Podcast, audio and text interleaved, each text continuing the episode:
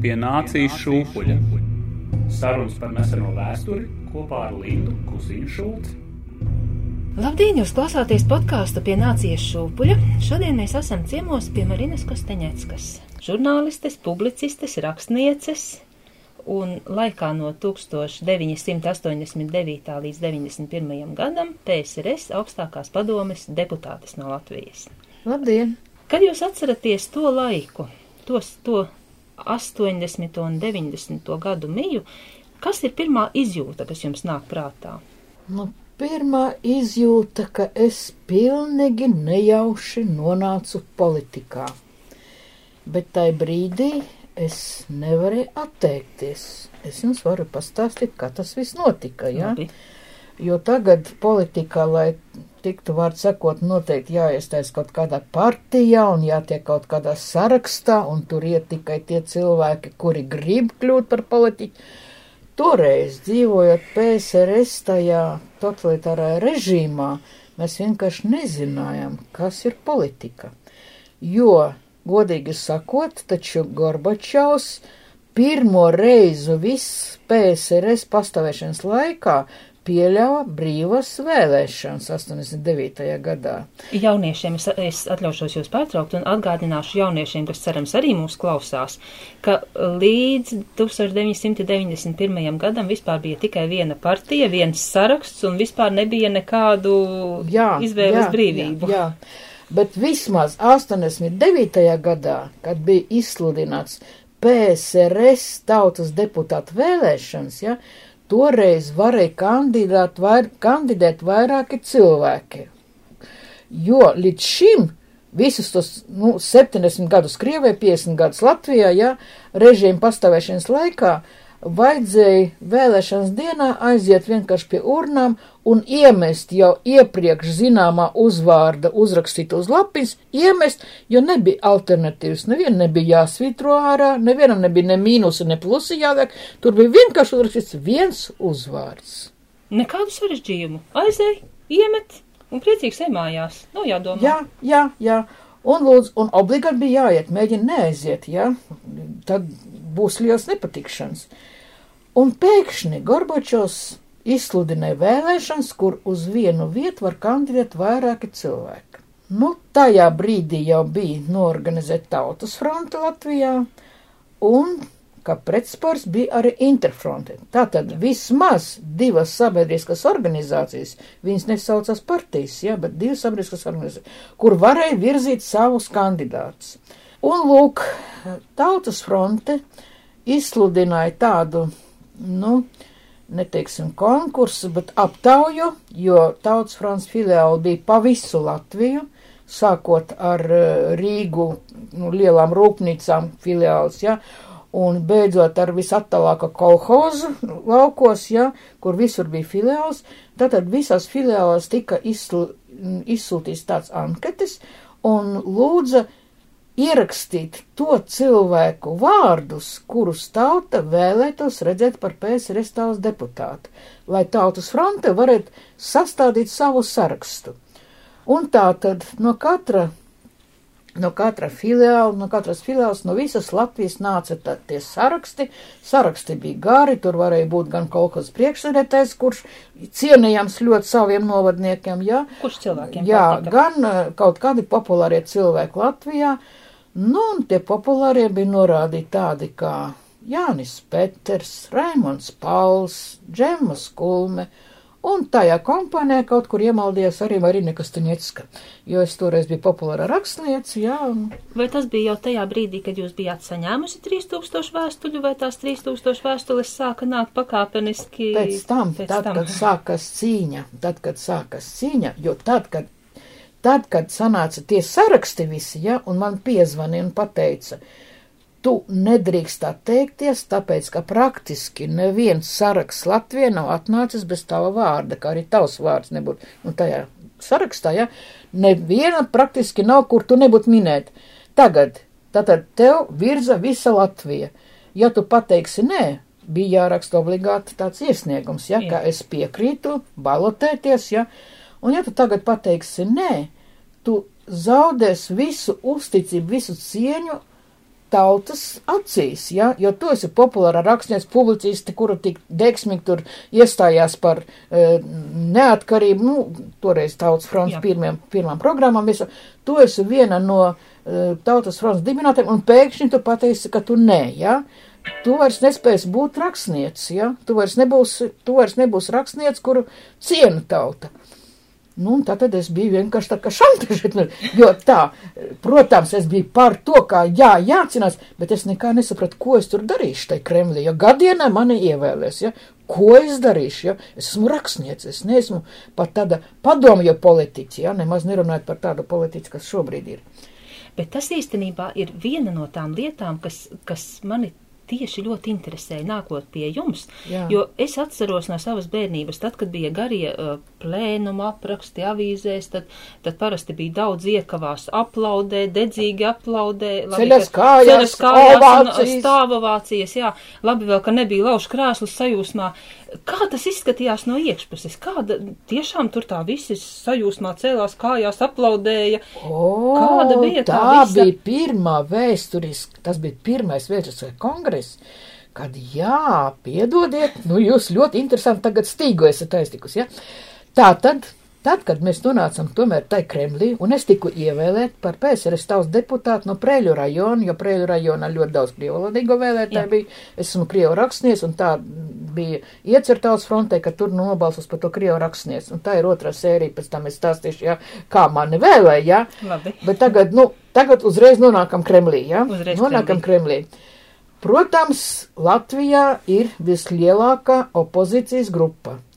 Teiksim, Lietuvā nav neviena interfrontista, ja, nu tā. Igaunijā daudz mazāk, mums no 51 deputāta, kas ir ievēlēts PSRS deputāti, 12 ir skaidri uz interfronts platformas, ja. Aha.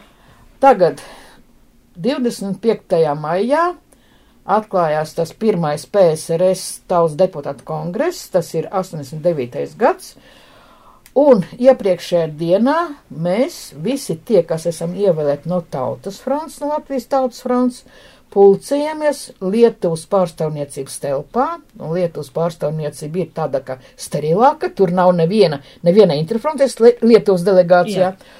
Tad Igaunijas delegācija, kas viņiem ir no tautas frontes, mēs no tautas fronts un viņu sajudis. Tajā teritorijā pēc slēgtiem sarakstiem, milicis tur laiž pēc sarakstiem ar pasēm, jā. jā mēs nonācām tādā slepenā apspriedē, kā mums rīt uzvesties tai kongresam, nu, kad tas kongress sāksies. Ja? Tagad pirmais radikālākais, kā vēlāk izrādījās, deputāts no Lietuvas Landsbergis, Vitauts Landsbergis, jā, saka tā, Rīt, kad sāksies kongress, vispirms spēlēs PSRS himna. Un tad, kad tā PSRS himna spēlēs, nu, pēc statusa visiem jāceļas kājas un jāklausot kājās to, to himnu. Jā.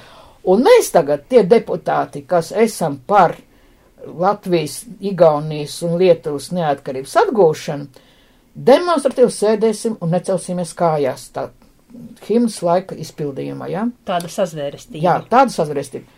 Nu, tagad sākam strīdēties un domāt, ja mēs nepiecelsimies kājas, mēs paliksim sēdus, tad, tad, kad mēs iziesim ārā no tās zāles, mūs iesēdinās tais melnajās bertās, kas saucās toreiz tāda milicijas mašīnas, ja, saliks viss tais pašos, nu, nosacīt lops vagonos un aizvedīs tālāk sēdēt uz austrumiem, ja, nu, kā sēdām, tā paliekam sēdēt, ja, un ko mēs ar to panāksim, ja mēs pirmajā dienā paliksim sēdēt, un Par ko tad mums uzticēs tie vēlētāji, kas mums sūtīja kaut ko tur izdarīt tai Kremlī?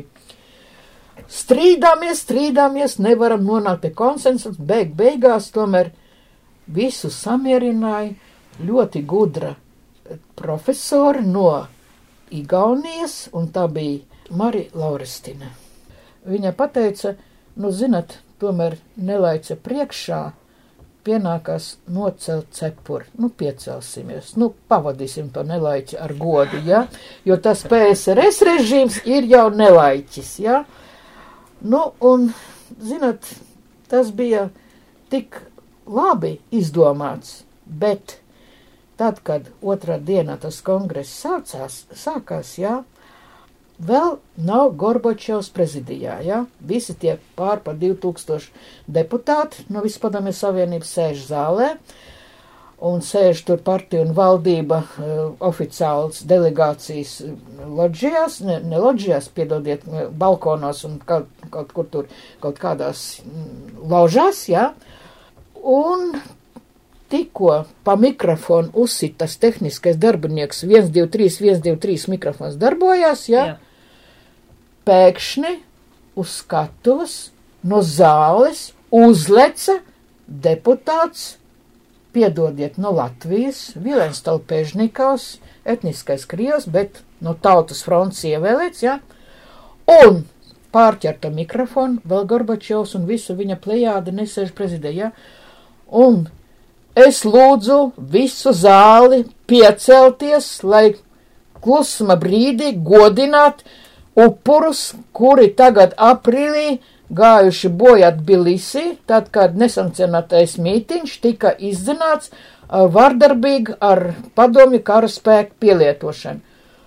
Un visa zāle paklausīgi, visi ģenerāļi, visi tur partijas bosi, visa valdība, visi deputāti, visi paklausīgi uz nervu pamata. Ja? Nezinot, kas tas ir par cilvēku. Ja? Nē, nu viņš gan stādies priekšā. Latvijas eh, deputāts no Latvijas delegācijas tāds un tāds tur man ir iecirknis. Ja? Viens to pešnikos, jā. Ja? Lūdzu, manu vēlētāju vārdā, lūdzu, visus piecelties kāds. Un visi piecēlās. Un to klusuma brīdi ievēroja, un ar to sākās kongress. Ja? Un himna. Un himna tikai pēc tam. Ja? Un tad jau mēs arī piecēlāmies, un tā nelaiķa priekšā cepuri no, no, no, noņēmām. Ja? Lai atcerētos svarīgo sarunas par neseno vēsturi pie nācijas šūpuļa. Tātad tieši Baltijas deputāts un konkrēti no Latvijas un konkrēti etniskais Krievs, Vilens Topēžņikovs, visu to kongresa piecelā kājās, jā. Ja? Un pēc tam mēs varējām mierīgi piecelties, tā nelaic priekšā kājās arī viss, ja? Bet tas nebija, šis gājiens, ka viņš tā izliks un kaut ko teiks, tas nebija iepriekš saskaņos protams, vienkārši. Protams, tā bija viņa pilnīgi pašdarbība, improvizācija, bet Ar to bija pateikts, ka šoreiz mēs necelsimies un neaplaudēsim tad, kad liks partija un valdība. Šoreiz mēs tiešām runāsim to, ko mēs domājam, ja, jo zālē bija ievēlēti ļoti daudz demokratiski domājuši deputāti, ne tikai no Baltijas republikam, arī no Krievijas, ja, no ko vien vērts eh, akadēmiķis Saharovs, ja, kas bija, ja, un daudz arī Krievu demokrāti bija ievēlēti, ja, un ka šoreiz notiks īstās debates, nevis uz neru pamata, visi reize aplaudē, visi reize ovācijas tur kaut kāds rīkoja, ka šoreiz pirmo reizi PSRS vēsturē notiks tiešām debates un strīdi. Nākošais solis bija, nu, Baltieši piedāvā dienas kārtībā ievest jautājumu par Ribbentrop-Molotov pakta slepeniem protokoliem, ka šo jautājumu ir jāizskata, jo slepenie protokoli ir laupījuši neatkarību Latvijai, Igaunijai un Lietuvai. Nu, kaut ko tādu pateikt. PSRS kongresa no tribīnas, protams, tur zāle rēca, ja? Ko? Kā? Kāda slepenie protokoli? Kāds pakts? Kas pa murgiem? Kas pa muļķībām? Mēs Kā? neterēsim tādu laiku kongresu, lai kaut kādu tādu jautājumu izskatīt. Neliksim to dienas kārtībā. Kāda neatkarība vispār? Jā, kāda neatkarība? Ko viņi tur izdomājuši? Ko dara leiši?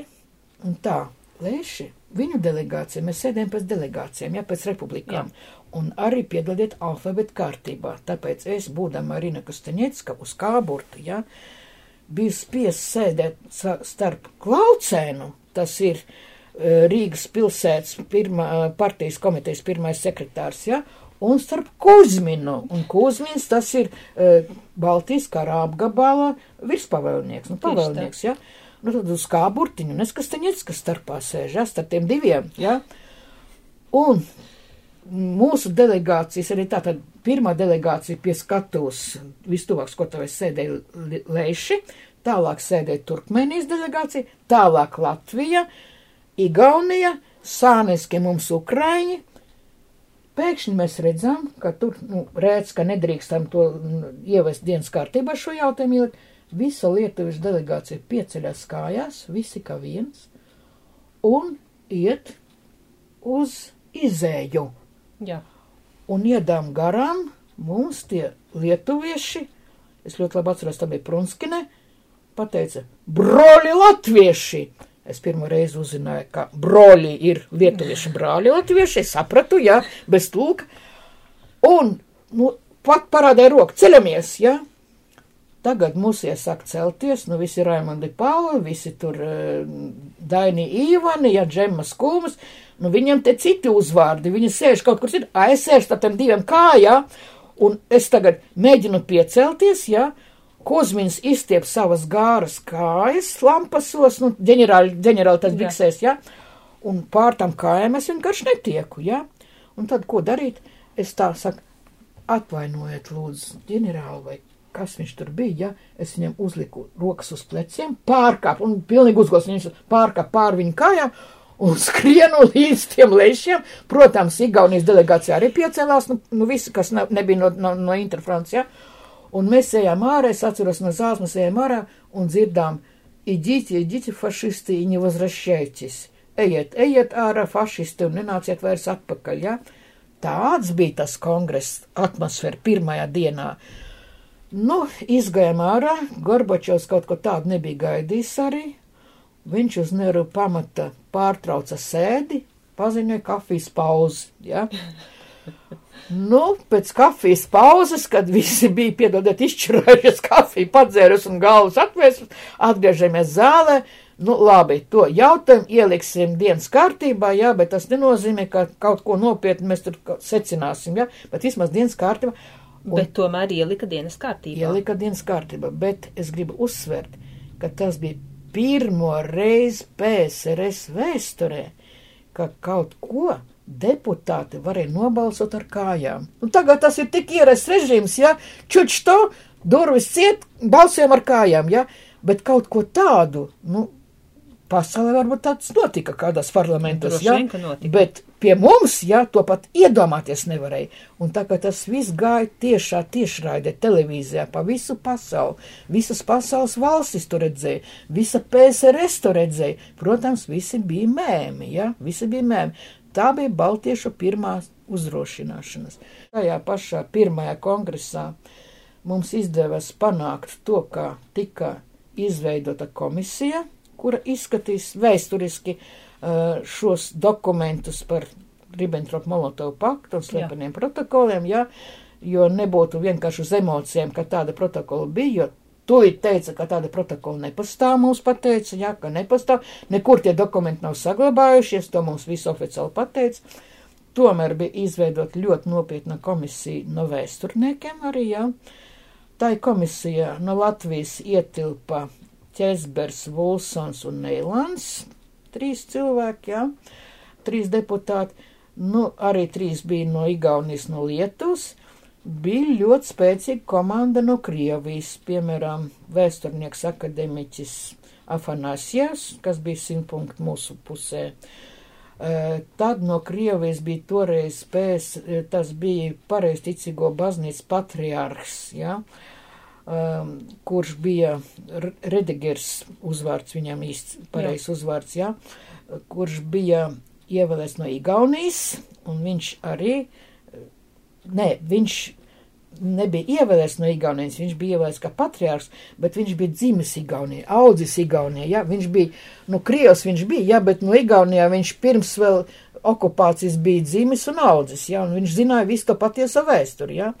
Es tikai tagad, nu, noskaitu tos, kas bija no, arī no Krievijas puses, kas mums palīdzēja tur, ja, pat vairāk nekā mūsu paši deputāti. Jo mēs tā nenovērtējam, cik daudz ir likuši iekšā, un pats galvenais, ka mēs dabūjām par komisijas priekšsēdētāju Aleksandru Jakovļevu.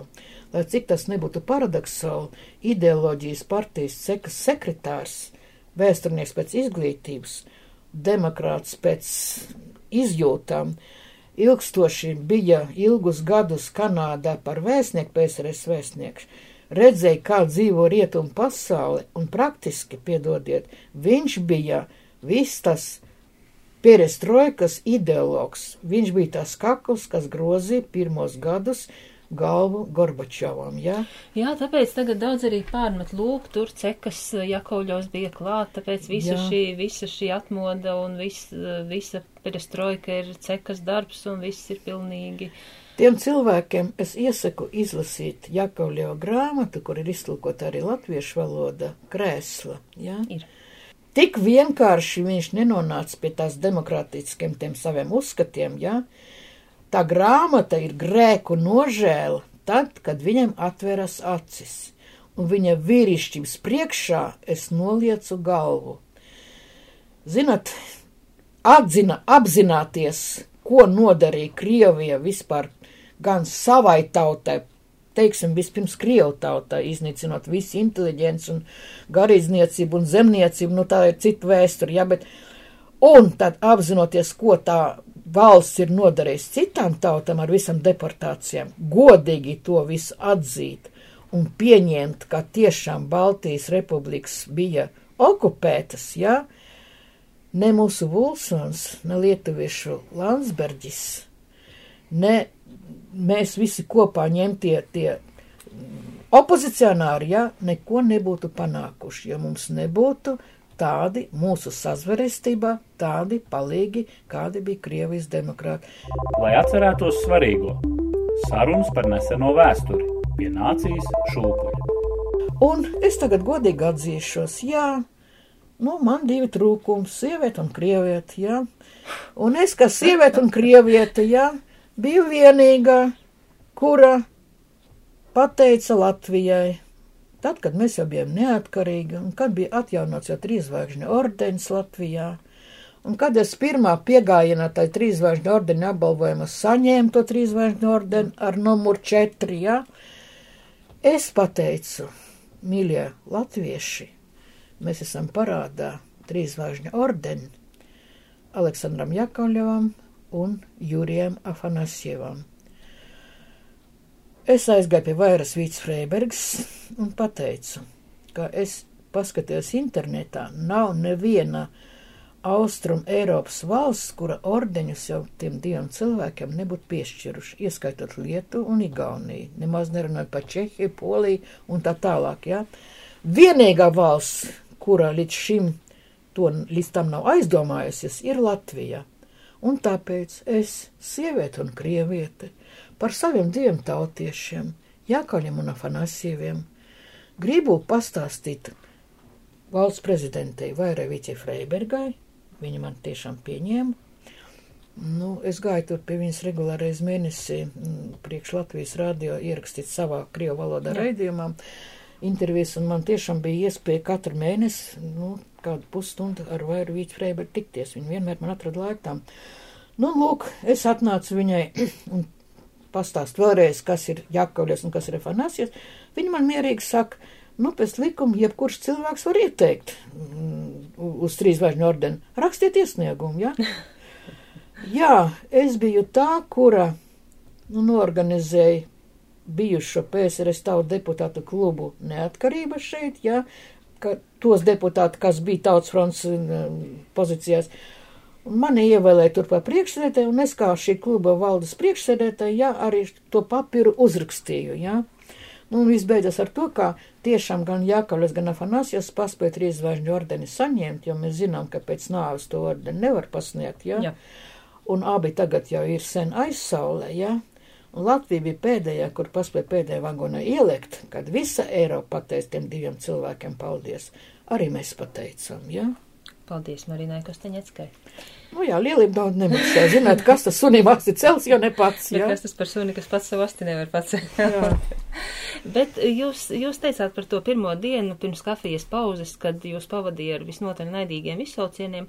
Kā bija pēc tam šī sajūta latišu fašist? Tas jau patiesībā, nu, kaut gan jums, jā, jau, jums jau to īsti jā. nemaz nevar pārmest, bet jūs sanākat. Nē, nē, nē, nē. To, to es ļoti, tā kā ordeni tādu tiešām nesē, es jums varu parādīt pat, man ir kastīt vēlāk parādīšu jums, ja, kur glabājās man gan tas PSRS deputāta nozīmīt, un speciāli kastīt, ja, bet pie PSRS deputāta nozīmīts mums visiem Baltijas deputātiem, tiem, kas stāvēja par neatkarību, bija savi auseklīši, ja, un tiem auseklīšiem tā horizontāla līnija bija latviešiem sarkanbalta sarkanā, lietuviešiem dzelten zaļa sarkanā, jā, igauniem melns, balts, eh, zilais, jā. Tarkan, mūs visus varēja atšifrēt, protams, ne Rubiks, ne Alksnis šitos auseklišus nesprauda. Visiem bija iedots, arī Rubikam un Alksnim bija iedots, un Kuzminam visiem. Katru mēs tos auseklišus iztaisījām, sagatavojām, un Mūs, eh, jebkurā kafijas pauzē var atšifrēt, kurš ir fašists, ja? Mēs, jo blakus tā, tam karodziņam, kurš bija obligāti, tad tev neielaiž sēž zālē, ja? Blakus tam, tam karodziņam mums bija auseklīši, ja? Jā. Un varēja pat pateikt, kurš ir no Igaunijas, kurš no Lietuvas, kurš no Latvijas, ja? Mēs neslēpam savu nostāju, ja? Un to, ka mēs esam fašisti, mēs dzirdējam arī kafijas rindā kafejnīca tur, ja? Un mums tur bruka. Bet, nu, es varu pateikt tā, kā Protams, redzamākie bija tie mm, deputāti no Latvijas, mm, teiksim, un, kuri tika pie mikrofona, un tas bija Mavriks Vulsons vēsturiski viņa runa, kad jā. viņš tika, jā. Un tur bija Gorbunovs, kurš bija oficiāls mūsu tā kā ideologs, jā, un kurš arī pie tiem mikrofoniem tika. Bet ko darījām mēs tie pārējie, nu, kuri, nu, nebija tik augsta ranga. Jā, un kuri, un kuri nelēca uz skatuves kā jā, kuri, ne, kuri, un nebija tik drosmīgi, jā, un tik elastīgi, un, un, un piedodiet, tik, nu, fiziski sagatavot, ja uzliek uz tā skatuves, jā, bez kādām pakāpieniem, viņš tiešām uzlieca tur, jā, tas, tas, to Pežnikovs, tas bija kaut kas vienreizēs, man tagad vēl acs priekšā viss tas stāv, jā, un es jau viņam pēc tam sacīju, tu zini, es vakar par tevi kaut ko sliktu padomāju, jo tad, kad mēs bijām tajā leišu pārstāvniecībā, es redzu, ka tu neesi, un tu esi mūsu sarakstos, kā tauta frontietis, un pēkšņi vai tu esi novies, ka tu mūsu delegācija nebija uz to slepenos sanāksmi. Viņš saka, jā, kamēr jūs tur strīdieties, celties vai necelties par to himnu, viņš to vēl, kas zina. Es sēdēju viesnīcā un zubrīju no galvas savu uzrunu, jo es neesmu politiķis, esmu tikai ārsts, un man vajadzēja iemācīties no galvas visu, lai es no bailēm kaut ko nesajauku. Un kamēr jūs strīdieties par to himnu, tikmēr es viesnīcā sēdēju un savu slepenu uzrakstīto to runu mācījos no galvas. Ja? Nu, lūk, un tāpēc mēs tie pārējie, kuri, nu, tik aktīvi nevarējām kaut ko darīt, bet tomēr mēs ievēlēti esam un kaut ko Latvijas valsts labā gribam darīt, nu, ko mēs darījām? Piemēram, varu pateikt, ka lielā politikā tur Kremlī, nu, notika nevien uz tribīnas, bet arī vīriešu tolete Kremlī. Nu, tur jūs netikāt. Oka tiku. Sapratiet, oka tiku, jo tieši vīriešu toaletē priekštelpa bija liela priekštelpa, un viņa saucās smēķētāva. Un tā kā piedodiet, tā ir vīriešu toalets smēķētavā, vajadzēja smēķēt gan sievietēm, gan vīriešiem. Es, nu, maz kā neesmu, esmu sieviete un krieviete, bet es savu mūžu nevienu cigareti neesmu izsmēķies, es nekad neesmu smēķies, ja? Es varonīgi metos tais zilajos dūmos, kur smēķē kopā visi vīrieši un sievietes, ja?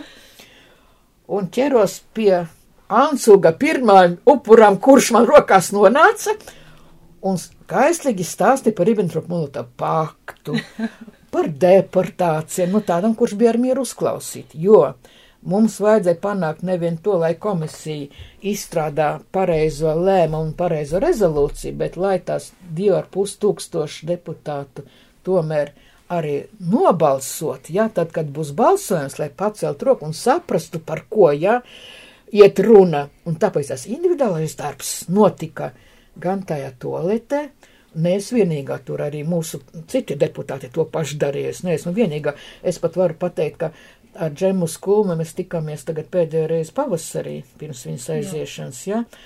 Un at, nu, viņa man uzaicināja pie sevim uz kafijas eh, tasīt mešparkā, un atceramies, protams, mūsu gaitas, un es viņai atgādinu, saka, atceries, Džema, kā mēs te vīrieši tolēte, tu jau arī neesi pīpētē.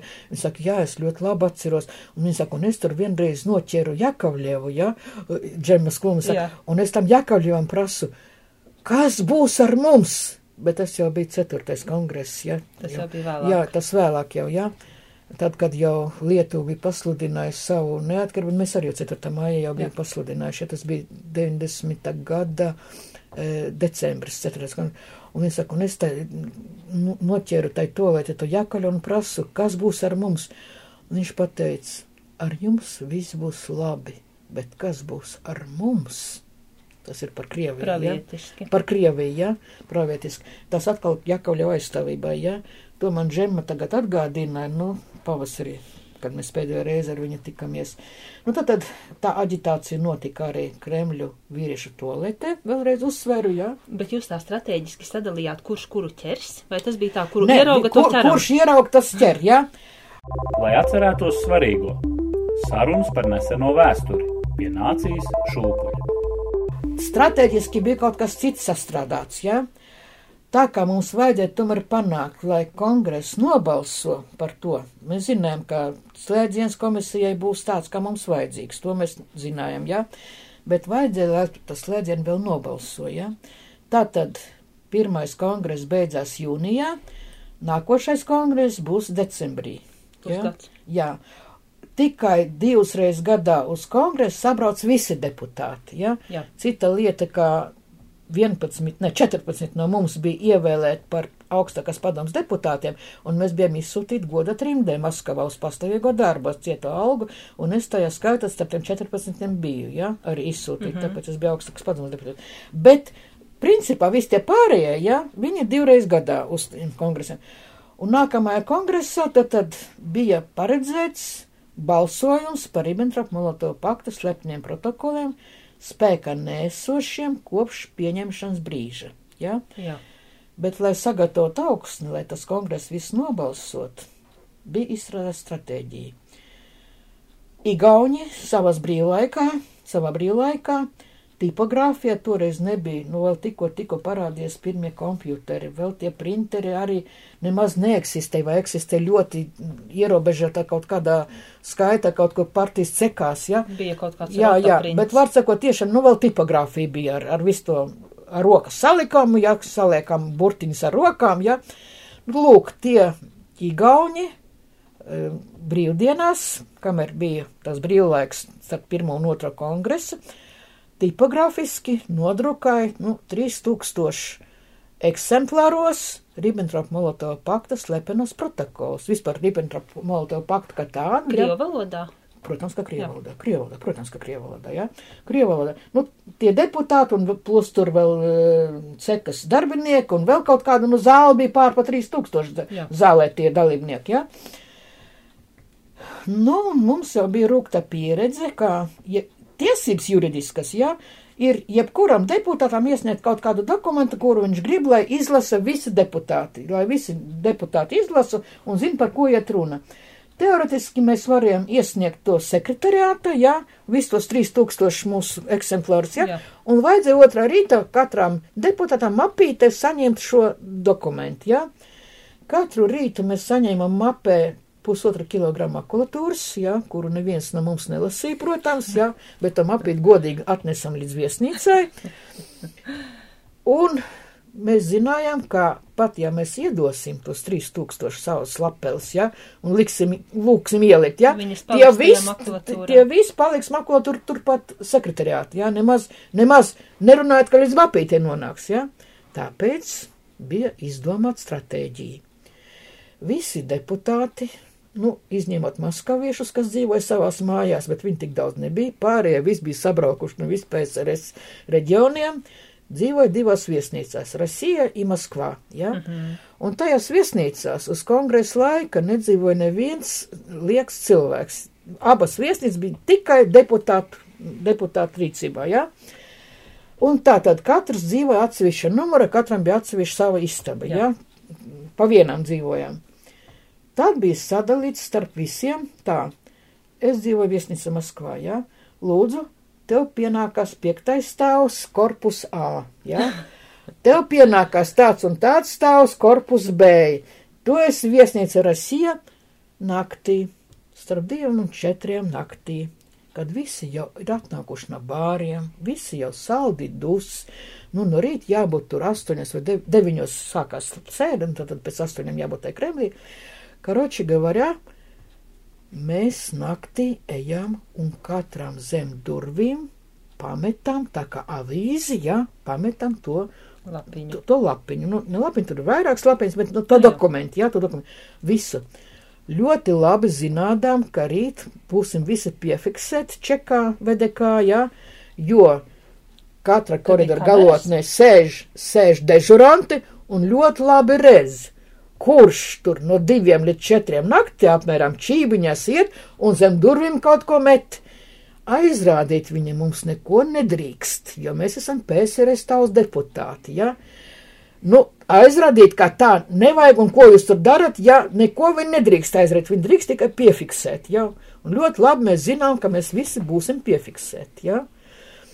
Nu, tā arī bija tāda nevardarbīga pretošanās, un tas bija darbs, ko tie ierindas deputāti arī darīja lietas labā. Tie, kuri netika uz tribīnas un nevarēja nu, parādīt sev visiem mūsu vēlētājiem, jā, ka mēs tur pateicam to un to.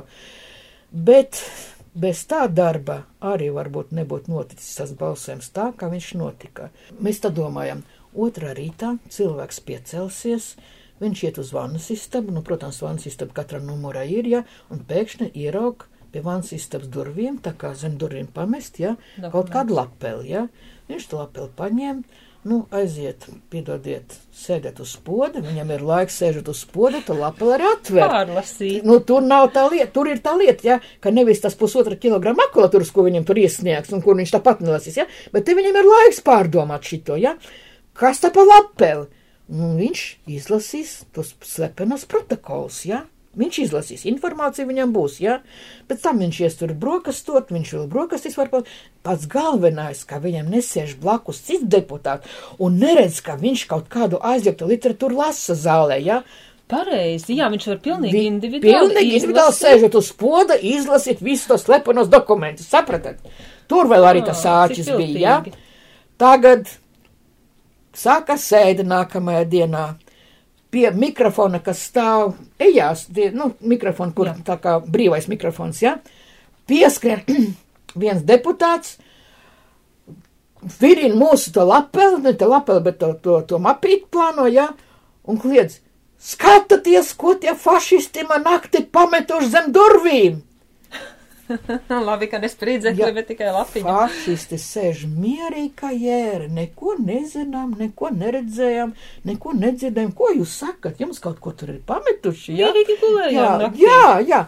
Pārējie klusi, tikai viens bija izkrits, un tas mums bija tāds medus maize, tāda medus maize, ja, nostradāja plāns. Tātad visiem ir, pārējie neskrien nekliedz, ja, bet visi ir izlasījuši. Un viens vēl pievērsa uzmanību tam, ja, paskatieties, ko tie fašisti. Tātad, ja kāds no rīta vēl nebija izlasījis, pārnākot mājās, atpakaļ, viņš tomēr izlasīs. Ar ja? dziļu interesi, kas tad ir tas, ko tie fašisti pametuši zem durvīm? Jā, jā, jā. Nu, redziet, es jums stāstu kaut ko tādu, nu, kas ir palicis vēstures aizkulisēs. Jā? Tas jau ir tas, kas mūs interesē. jā, tas ir palicis vēstures aizkulisēs, jo es vienkārši gribu pateikt, ka arī PSRS tautas deputāti ir savu, nu, savu ar tevu arī ienesuši tai neatkarībā. Jā, tā mēs ļoti godinām tos deputātus, kas 4. maijā Latvijā nobalsē par Latvijas eh, neatkarības deklarāciju. Visu cieņu es viņu priekšā noliecu galvu, jo tajā brīdī tiešām vēl situācija bija ļoti bīstama un vēl ļoti neskaidra, ja? Un tas, ko vēsturiski tie cilvēki izdarīja, visu cieņu es no sirds to pasaku, ja? Bet tā godīgi sakot, man mazliet sāpēja tas, ka mēs PSRS deputāti, tikko tā Latvijas neatkarība bija atgūta, bijām jau norakstīti un izmesti vēstures mēslainē. Pilnībā. Un tad atkal piedodiet, lielība naudu nemaksā, bet, bet sieviete un krieviete Marina Kastaņecka, kad ieraudzīja, ka tie PSRS tautas deputāti, kuri panāca to, ka otrajā kongresā bija pieņems tās lēmums par spēka nēsošiem slepeniem protokoliem kopš pieņemšanas brīža. Un lūk, šīs balsojums arī bija tas, kas atvera durvis, kāpēc mēs 50 gadus nevarējām nobalsot par Latvijas neatkarību, pieņemt kaut kādu deklarāciju. Ja? 50 gadus nevarējām, ja? Vajadzēja būt kaut kādam vēsturiskam pagriezienam. Tagad atversim grāmatu krēsla Aleksandra Jakovļeva un izlasīsim, ka tajā brīdī, kad kongress tomēr nobalsoja otrā piegājienā par šo dokumentu, ja, viņš saprata, ka ir sākusies jauns vēstures posms uz visas planētas, ka Baltijas valstis aizies no PSRS, to viņš ir sapratis. Piedodiet, 1990. gadā, decembrī, Ziemassvētku kaujās, kad mēs Ziemassvētku kaujās Kremlī šo balsojumu bijām kopīgiem spēkiem panākuši. Ja? Viņš to pasaka skaidri un gaiši savā grāmatā. Tālāk jau 4. maijā arī Rīgā varēja pieņemt šo deklarāciju. 90. gada decembrī. Balsojum, Piedodiet, es pārteicos, es pie, pārteicos, ja, mums bija, jā, kāpēc es pārteicos, vēsturiski es uzskatu, bija Eh, divas Ziemassvētku kaujas - 89. gadā decembrī un 90. gadā decembrī. 89. gada decembrī, es tiešām pārteicos, 89. gada decembrī otrajā kongresā bija pieņemt tas, eh, nu, notika tas balsojums par Ribbentrop-Molotov pakta eh, slepeniem protokoliem spēkā neesošiem, ja, un 90. gadā decembrī, ja, tad, kad jau mūs kā PSRS tautas deputāts no tautas fronts it kā atsauca mājās, pateica, ka mēs jau deklarāciju esam pieņēmuši, jums vairs tur nav ko Kremlī darīt, jā.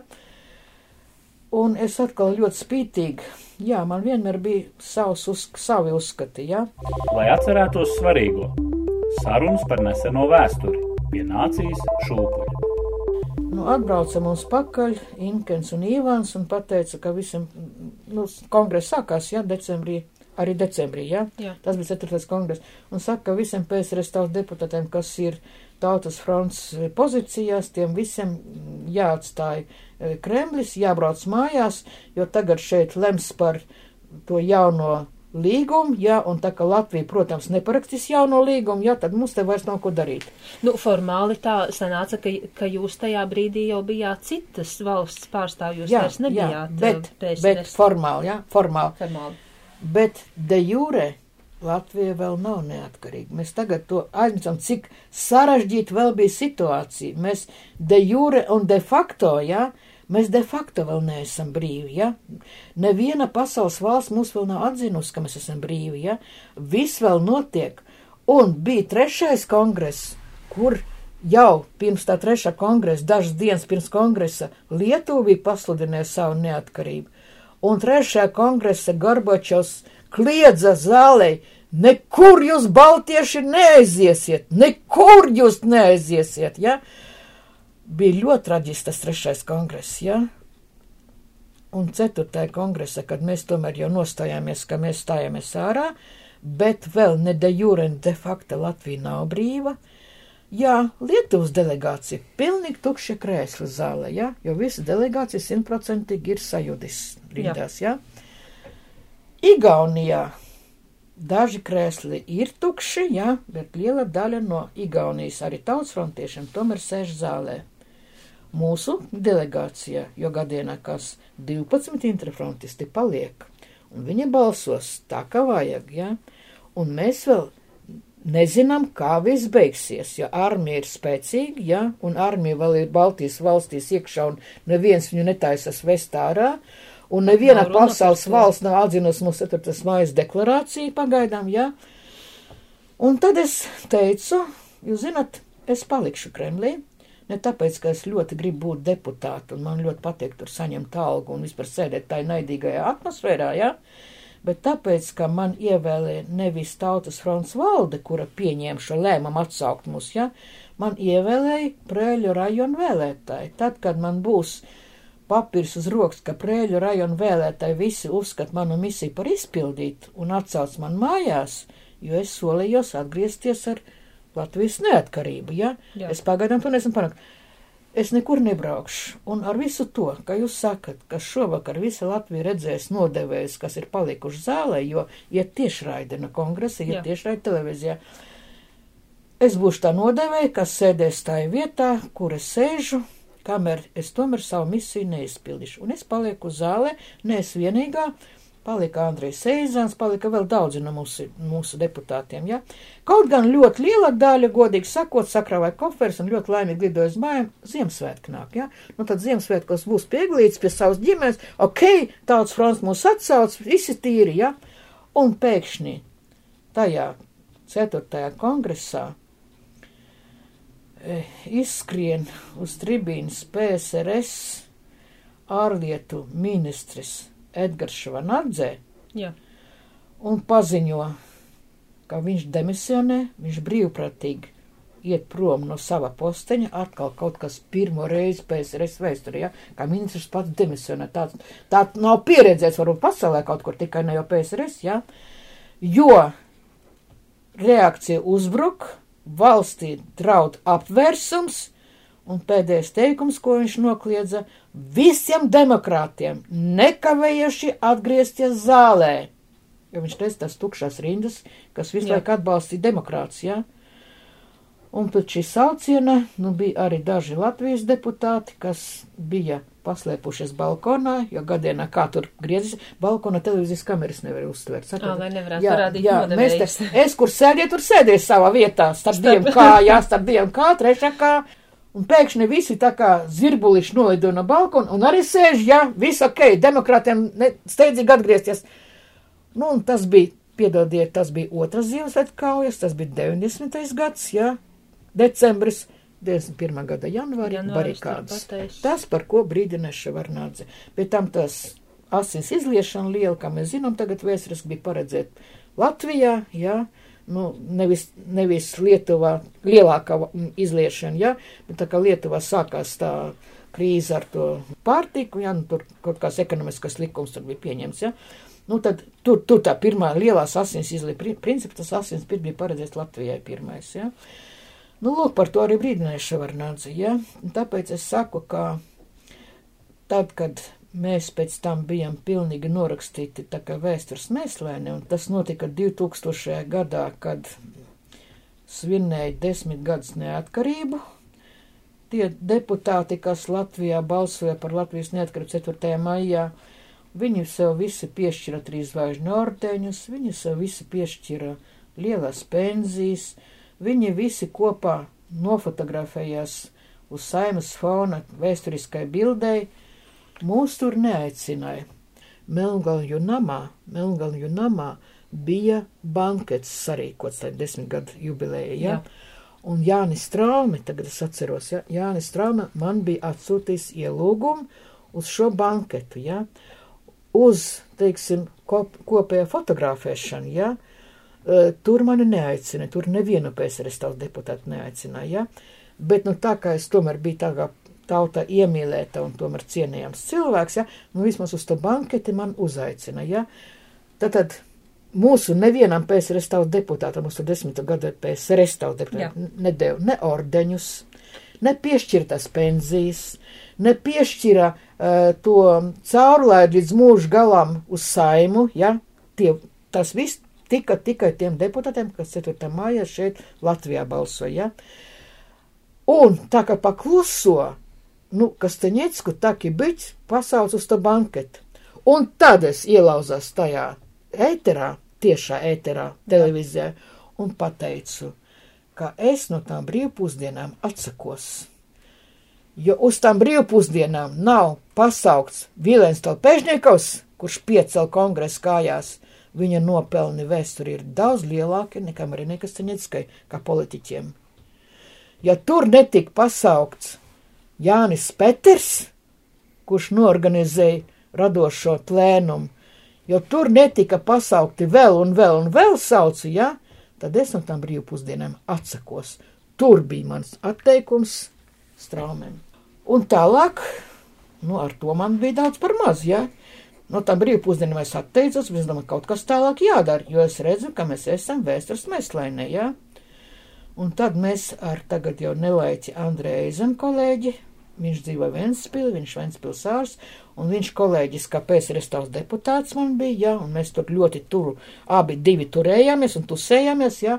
Tātad mēs ar Andrēju Eizanu izdomājām, ka mums jānodibina pašiem savs klubs, jo tie, kas 4. mājā balsoja, viņi, nu, deputātu klubu sev organizē, jā. Ja?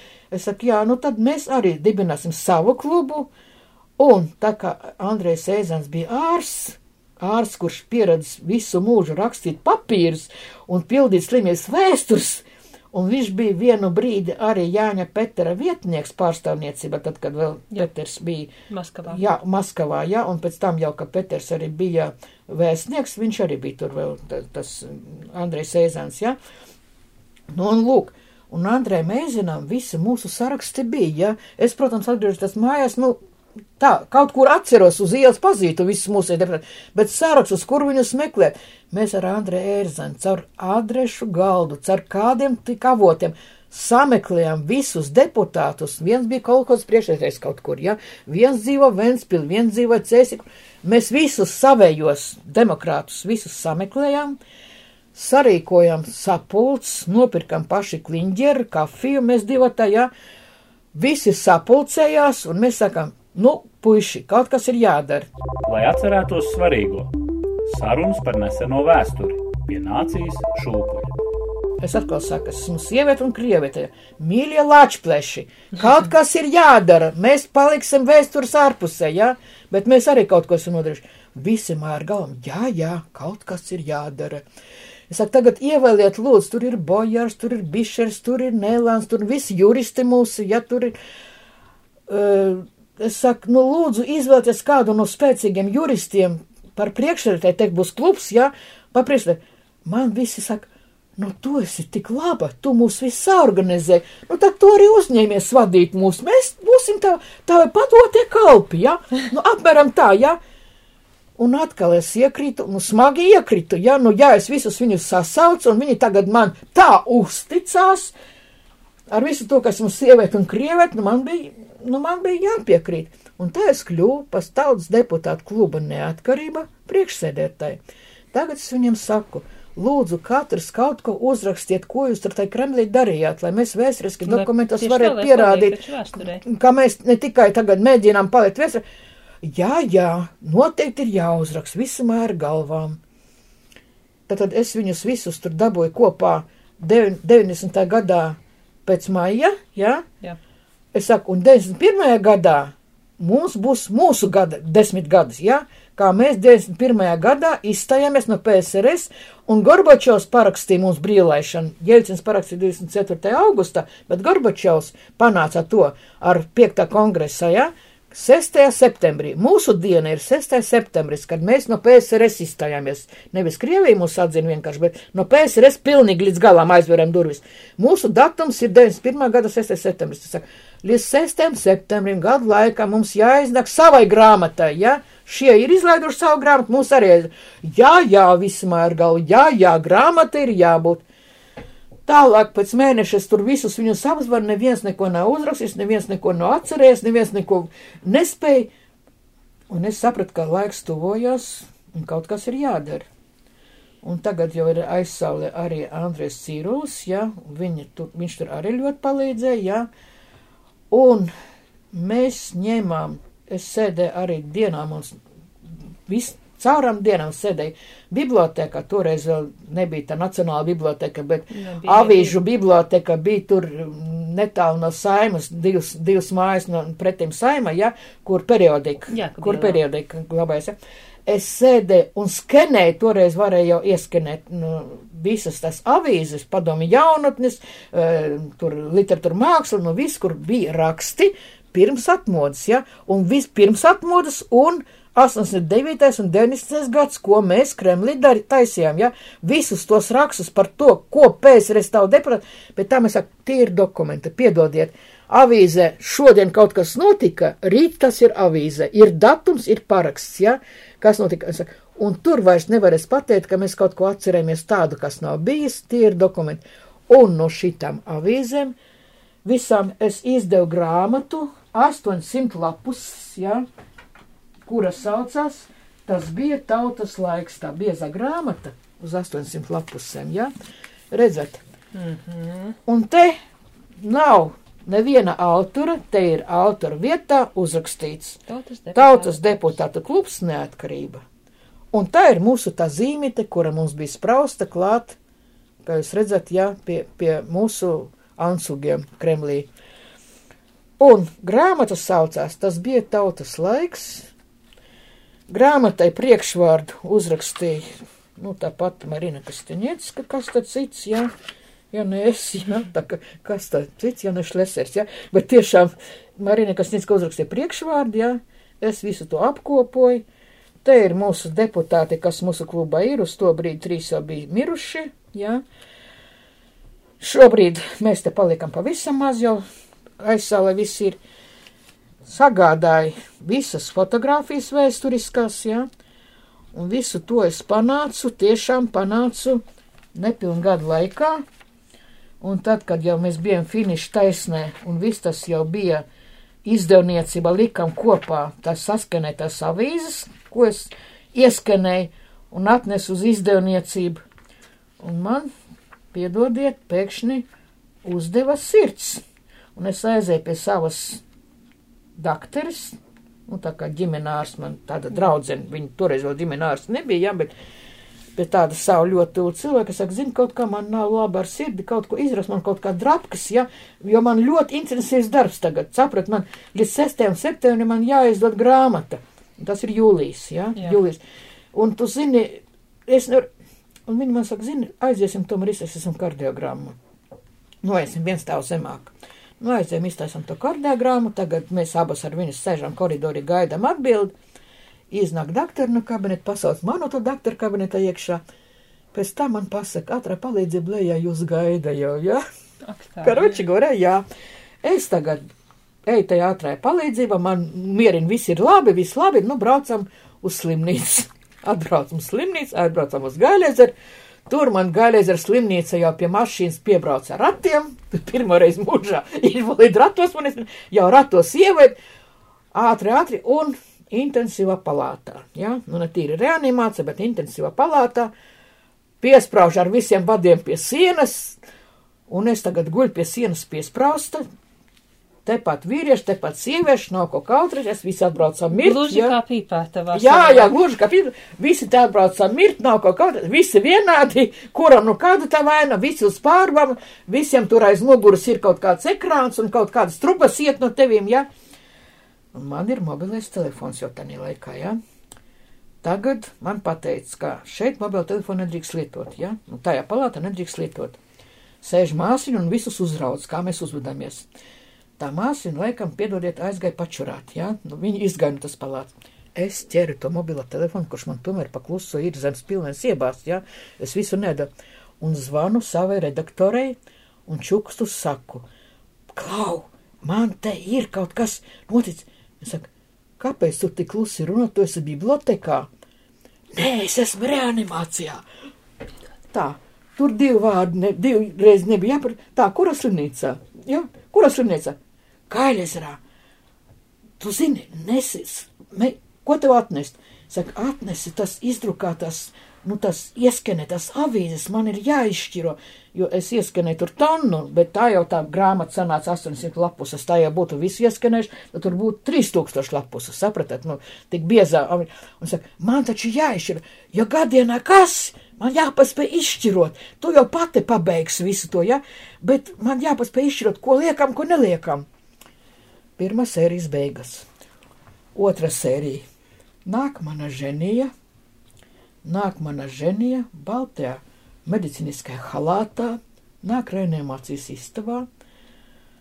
Māsa redz, ka viņa baltajā halātā, kur viņa to halātu paķērus tik ātri, es nezinu. Viņa nāk ļoti labi atceros, atnes man šokolādu konfektes, ko viņa bija no Maskavas atvedus, jā, tādas labas šokolādu konfektes no Maskavas, jā, kaut kādu tur sulu un tādu kaudzi ar tam avīzēm. Nu, ne, ne avīzēm, bet avīzes kopijām, avīzes kopijām. jā. Tagad nāk ārsts, jā, piedodiet, uz tolēt nedrīkst, jā, viss gults režīms, stingrs gults režīms, es, neko nedrīkst celties, tur nedrīkst. Es saku, rokas cilāt drīkst, rokas cilāt drīkst, viņa saka. Es saku, tad man lūdzu divus ķebļus, un man gults katrā malā bija nolikt ķeblis pa kreisi un pa labi. un tagad es uz vēders jau nolieku visas to čupu ar tam avīzēm, nu, avīz kopijām, ja, tā uz vienas ķeblis to, ko man tas, kas mums der grāmatai, uz otras tas, kas neder, ja. Es saku, nu, rokas drīkst cilāt, rokas drīkst cilāt, ja. Nu, lūk, humors, humors, ja. Nākamajā dienā man jau pārved uz parasto palātu, ja. Tik traki viss nebija. Mēs paspējām, mēs paspējām un 6. augustā, 6. septembrī, piedodiet, 6. septembrī, uh, vernisāžā, nu, kur bija Jānis Peters par tādu. Jānis Peters kā, un Raimunds Pauls. Jā, jā, tāda kā atbildīgais un tā kā saimnieks tur, jā. Jāņa Krūmiņa te, tajā vernisāžas zālē. Mums bija prezentācija, zāle bija pārpildīta, un tā prezentācija pastāvēja iekš tā, kā es pēc vārda un uzvārda saucu katru no mūsu deputātiem uz skatuves un pasniedzu viņam grāmatu, tas bija tautas laiks. Jā, zinat, ja mēs tagad runājam par tām 3000 vēstuvēm pārējām, ja, kas ir manā, jūs varēsiet viņus apskatīties, tur viņi ir, te plauktā viss, ja, ka tas arī nav nekāds feiks, tas viss vēsturiski ir pierādāms un tas viss ir saglabājies man, bet tas vēstules nāca man pārsvarā no latviešiem, kaut arī pietiekam daudz arī no krieviem, atmodas laikā, tad, kad es jau startēju par to e, kandidātu PSRS tautu deputātu, un man mēģināja interfrontu apturēt par katru cenu, ja, un ka tiešām bija, nu, tādi zaimojoši raksti par manu tēvu, ka viņš ir sadarbojies ar fašistiem, ja, nu, divās Krievu avīzēs, Svētska Latvijas Svētska Malāģoša trīs dienas pirms vēlēšanām, Un toreiz mēs vēl nezinājām, kas ir netic, netīrā politiskā cīņa. Es vēlreiz atgādinu, pirmās vēsturē vēlēšanas, ja? Mums nebija ne mazākās izpratnes, ja tagad mēs esam pieraduši, kas ir normāli, jo tā ir politika gatavojas uz tā, kā samazgu spāņi tev pār galvai līdz tas ir norma, tad tu rēķinies ar to. Toreiz jau nebija politiskās cīņas un attiecīgi nebija nekādas nu, tur tā lieta. No, no, un vai tad mēs zinājām, bet, godīgi sakot, mēs tauts fronte ne par vienu interfrontu kandidātu samazgas nelējām. Tur mēs bijām tīri, tā cīņa bija tīra. Nav vēsturiski pierādāms, ka tautas fronte kaut kādu feiku, kaut kādus vispār izplatīts ziņas par to, kā tur tādam un tādam deputātam tēvs bija leģionārs, piemēram, ja? Vai tā bija? Nu, tagad Mitrofāna un tēvs ir bijis leģionārs, ja? Bet es nekad to viņam ar, ar pirkstācijas nebraukšu, ja? Lai atcerētos svarīgo, sarunas par neseno vēsturi pie nācijas šūpuļa.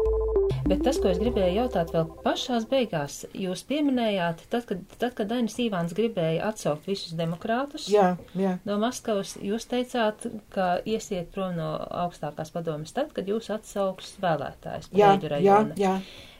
Preļu rajona vēlētāji kaut kā savu izvēli izteica, vai, vai tomēr līdz ar to, ka Latvijas neatkarība bija parakstīta un sākās barikādas, tad, tad, tad jūs arī pārtraucāt es paliku, nē, es paliku galam. Pirmkārt, es barikādes biju visas naktis, protams, barikādes, tas ir loģiski un dabiski, jā. Un e, es biju e, arī Maskavā pēc Maskavas barikādēm. Maskavā kritušās bērēs. Mēs arī aizmirstam, ka Maskavā bija trīs kritušie barikādēs. Uh, un lozungs tajā laikā bija par jūsu un mūsu brīvību. Tas lozungs bija gan Krievijā, gan Latvijā. Tātad arī par mūsu brīvību tie trīs maskavieši savās barikādēs augustā ir krituši, un mēs ar Andreju Eizanu gājam aiz šo kritušo zārkiem, bērēs, un tas bija tajā pašā dienā, kad Jelcins parakstīja mums brīvlēšanu 24. augustā. Tajā stundā un laikā, kad mūsu delegācija ar Gorbunovu priekšgalā. Tur bija Jānis Peters, tur bija Dazorcevs, tur bija um, Dinevičs, tur bija Bišers, cik es atceros, ja, viņi visi gāja pie Jelcina saņemt to brīvlaišanu. Tanī pašā stunda mēs ar Andrēju Eizanu gājām aiz tiem trim zārkiem, jo tanī pašā brīdī bija bērs, tanī pašā dienā un tanī pašā stundā. Un mēs savā starpā ar, ar to Eizanu sarunāmies latviski. Aiz Zārkām gāja praktiski visa Maskava. Jūs sapratat, kāda tā bija cilvēku jūra, ja, jo pavadīja savus varoņus maskavieši. Un mēs runājamies latviski, mums nāk klāt krievotautības cilvēki un prasa, vai jūs esat no Lietuvas? Viņi dzird tādu baltiešu valodu, vai jūs esat no Lietuvas? Mēs sakam, nē, mēs esam no Latvijas. Un kā atplauka sejas, jo tajā dienā aiz kritušo zārkiem gāja cita Krievija. Tā nebija vairs Brežņo Krievija, tā nebija PSRS Krievija, un tā vēl nebija Puķina Krievija, tā bija cita Krievija. Kā atlauka sejas, un cilvēki sacīja, jūs esat no Latvijas, pasakiet Latvijai paldies, ka iemācīt celt barikādas. Nebūtu jūsu pieredze, mēs šoreiz būtu zaudējuši pučistiem. Mēs celam barikādas pēc jūsu piemērs. Pasakiet Latvijai paldies. To savu varoņu bēru dienās mums pateica Krievija. Es tagad to nododu Latvijai. Un visbeidzot, jo nu jā, mēs būsim ļoti daudz sarunājušas. Uh, ja jūs tajā laikā būtu zinājusi par visām mūsu kļūdām, kādas būs klūpot, krītot jaunai valstī neatkarībā, jā. ja jūs būtu zinājusi par, par to sabiedrības šķelšanos lielo, tajā laikā, kad jūs jā. balotējāties un, un, un piedalījāties šajā politiskajā cīņā par Latvijas neatkarību, vai jūs to darītu tik un tā? Darītu viennozīmīgi tik un tā, tāpēc, kā es esmu krieviete, es lepojos ar to, ka es piederu lielai pasaules kultūrai, es lepojos ar to, kā mana tauta ir devusi pasaulē Dostojevski, Puškinu, Bulgakavu un tā tālāk un tā tālāk bet pat es neesmu ne Destajevskis, ne Puškins, ne Bulgakovs, es esmu tikai Marina Kastaņicka, un ja es atļauju sev ar kaut ko lepoties savas tautas vārdā, tad man jāprot arī nožēlot savas tautas vārda grēkus. Un es uzskatu, ka Gulagā valsts valoda bija Krievu valoda, es uzskatu, ka Latvijai neatkarība bija atņemta ar krievu valodā parakstītiem tiem slepeniem protokoliem, ja? un mans pienākums, kā krievu inteliģents, es runāju tikai savā vārdā, es nevaru runāt visas krievu tautas vārdā, es runāju savā vārdā, ja? Mans pienākums bija atgriezt Latvijai to, kas viņai bija nolaupīts neatkarība. Latvija ir atgriezusies Eiropā. Ar visu, ar to pielikts punkts. Es atvainojos praktiski par to, kas tika nodarīts Latvijā 40. gadā. Nenožēloju nevienu brīdi. Tālāk latvieši paši, es nepatraukt jums skandinu, esmu krievieta un sieviete, un vispār, kur tad jūs tie lāčplēši, ja, es diezgan kritiski skatos uz to, kas notiek valstī, es nebūtu neaplaudēju tikai, ja, es lepojos ar to, ka es paspēju savā mūža atdot Krievijas vārdā parādu un atdot valstī to, kas viņai tika nolaupīts. Āmen! Punkts! Marina Kastaņicka. Ja esat noklausījušies līdz šai vietai, tad ziniet, jūs klausījāties podkāstu pie nācijas šūpuļa. Meklējiet mūsu mājaslapā LV sadaļā klausies. Mūs var klausīties arī Spotify un visās citās vietnēs, kur var klausīties podkāstus. Pie nācijas šūpuļa. Sarunas par neseno vēsturi kopā ar Lindu Kusiņu Šulci